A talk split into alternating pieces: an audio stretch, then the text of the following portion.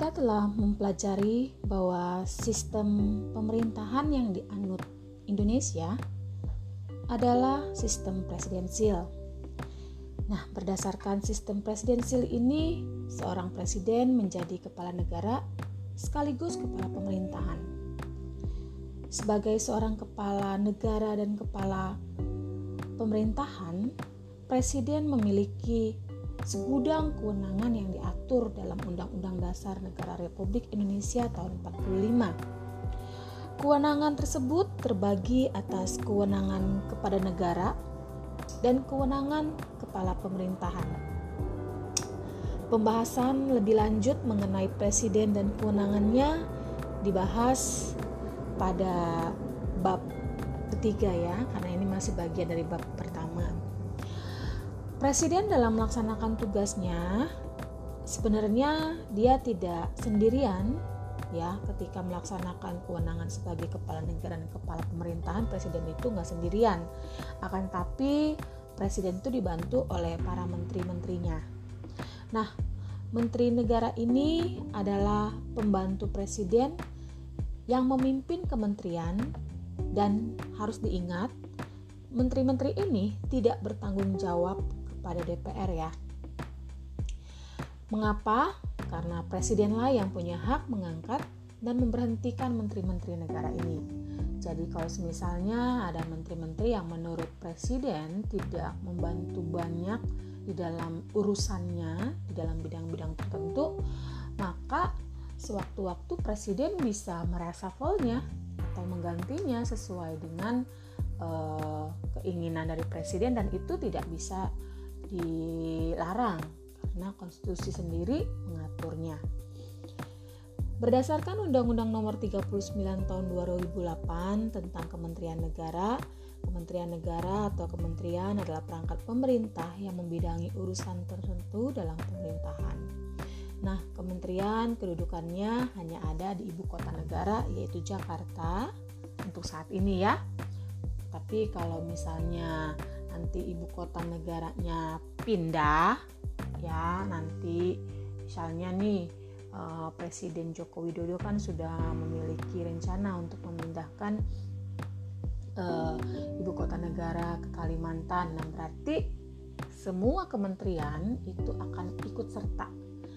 Seperti itu. Dan kementerian itu berada di bawah dan bertanggung jawab kepada presiden. Ketentuan mengenai menteri ini diatur dalam konstitusi negara kita yaitu Undang-Undang Dasar 45 pasal 17 di mana di dalamnya presiden itu dibantu oleh menteri-menteri negara lalu kemudian menteri-menteri itu diangkat dan diberhentikan oleh presiden Lalu yang selanjutnya setiap menteri membidangi urusan tertentu dalam pemerintahan dan pembentukan, pengubahan dan pembubaran mengenai kementerian-kementerian negara itu diatur dalam undang-undang. Jadi maksud yang bagian mengenai kementerian perubahan, pembubaran serta uh, pembentukan itu dan undang-undang kayak gini. Jadi untuk setiap rezim ya kan kita kan memilih presiden itu lima tahun sekali dan presiden punya hak untuk memilih menteri-menterinya kan. Tetapi uh, setiap periode itu belum tentu kementerian itu ada. Itu tergantung dari presidennya nah apabila uh, uh, menteri tersebut kementerian tersebut harus ada maka presiden harus membuat uh, aturan dalam undang-undang terus kemudian apakah kementerian tersebut akan hilang atau dilebur oleh kementerian yang lain itu juga diatur oleh undang-undang. Nah nanti akan saya jelaskan mengenai kementerian apa aja sih yang uh, bisa uh, nggak ada dan uh, wajib harus ada ya. Oke, sementara Kansil menuliskan bahwa menteri-menteri negara bukan pegawai tinggi biasa loh, walaupun dia seorang pembantu presiden, ya.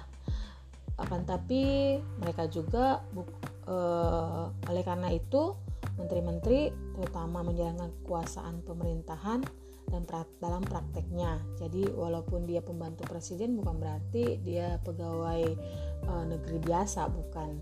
Walaupun presiden yang memilihnya. Kenapa? Karena dalam prakteknya dia menjalankan kekuasaan pemerintahan.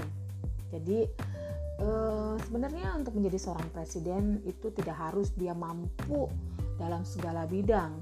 Nah, Makanya presiden membutuhkan pembantu-pembantu yang profesional di bidangnya agar bidang-bidang yang dibawahi, yang dikuasai oleh presiden ini sungguh-sungguh bisa berjalan dengan baik dan akhirnya bisa mensejahterakan rakyat. Seperti itu.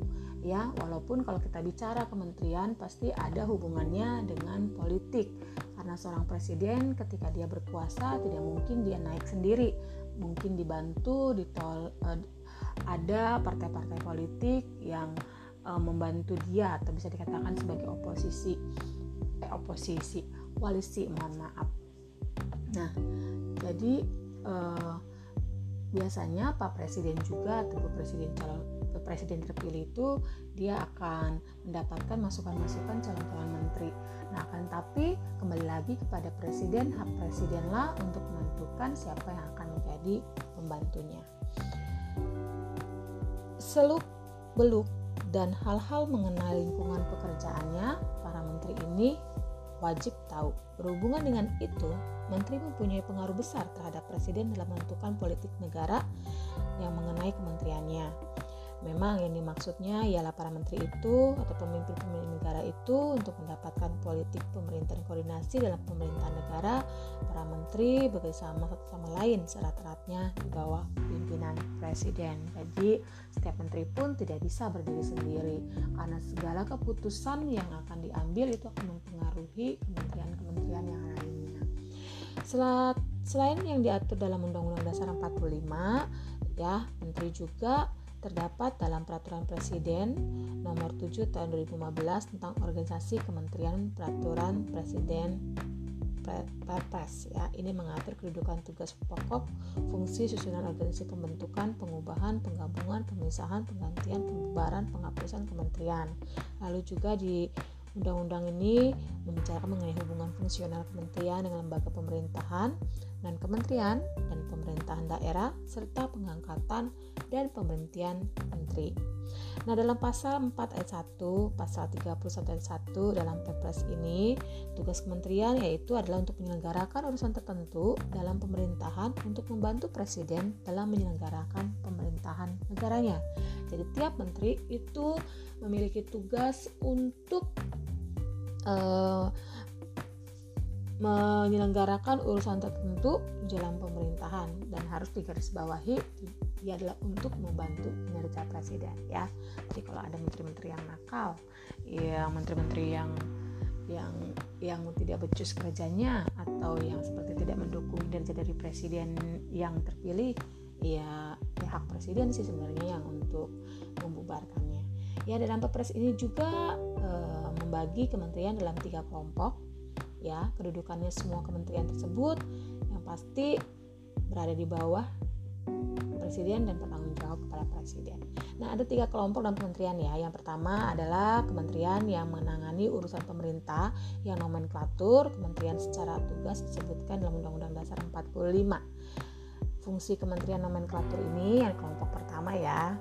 Yang pertama, merumuskan, menetapkan, melaksanakan kebijakan di bidangnya pengelolaan barang milik kekayaan negara yang menjadi tanggung jawabnya, pengawasan atas pelaksanaan tugas di bidangnya, pelaksanaan kegiatan teknis dari pusat sampai ke daerah, koordinasi pelaksanaan tugas pembinaan, pemberian dukungan administrasi kepada seluruh unsur organisasi lingkungan kementeriannya, lalu melaksanakan dukungan yang bersifat substansif kepada seluruh unsur organisasi lingkungan kementeriannya, dan yang terakhir tugas nomenklatur ini adalah menyelenggarakan fungsi yang menunjukkan karakteristik tugas dan fungsi masing-masing.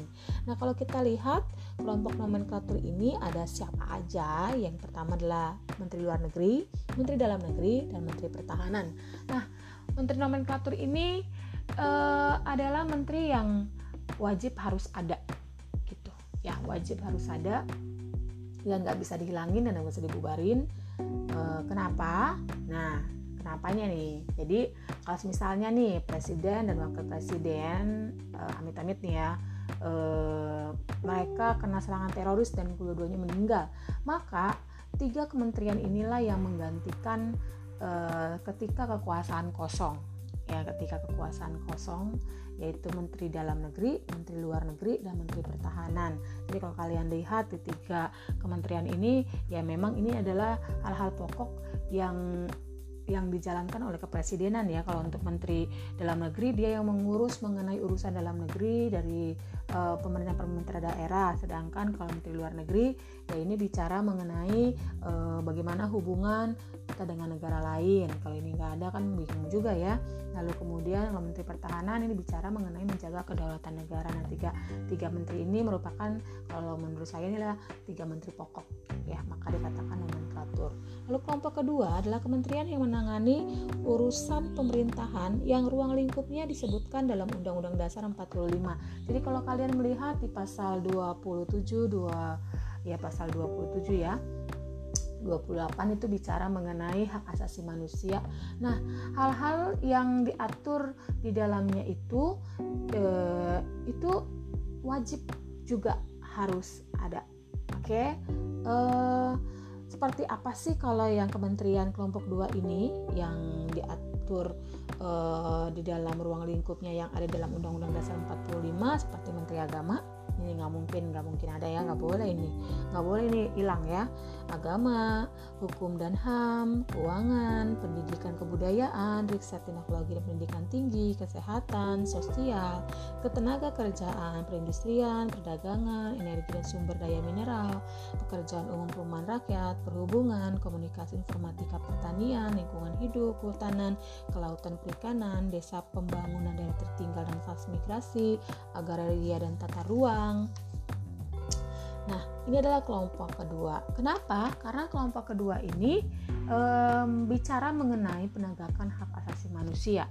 Jadi kalau misalnya salah satunya nggak ada, berarti ada hal-hal yang tidak ditegakkan di tengah-tengah kinerja presiden pada saat itu.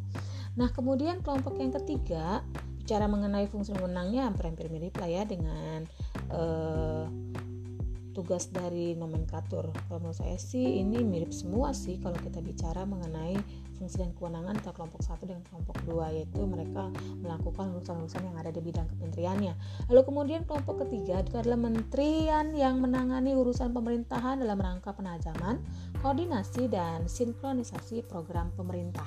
Nah, untuk kelompok ketiga ini ada yang namanya eh, Kementerian Perencanaan Pembangunan Nasional, ya, Kementerian Pendayagunaan Aparatur Negara, Kementerian Badan Usaha Milik Negara, Kementerian eh, Koperasi dan Usaha Kecil Menengah, Kementerian Pariwisata, Kementerian Pemberdayaan Perempuan, Kementerian Pemuda dan Olahraga, dan Sekretaris Negara. Nah, jadi kalau ini tugasnya lebih sedikit ya Uh, selain dia harus merumuskan, menetapkan kebijakan di bidangnya, koordinasi sinkronasi pelaksanaan kebijakan, lalu dia pengelolaan, pengawasan, koordinasi dari di, di, di lembaga uh, apa kementeriannya dan menyelenggarakan uh, fungsi menunjukkan karakteristik tugas dan fungsi masing-masing kementeriannya. Jadi uh, membedakan itu adalah dalam hal pelaksanaan pendukungan yang sifatnya substansif kepada seluruh unsur organisasi di lingkungan kementerian.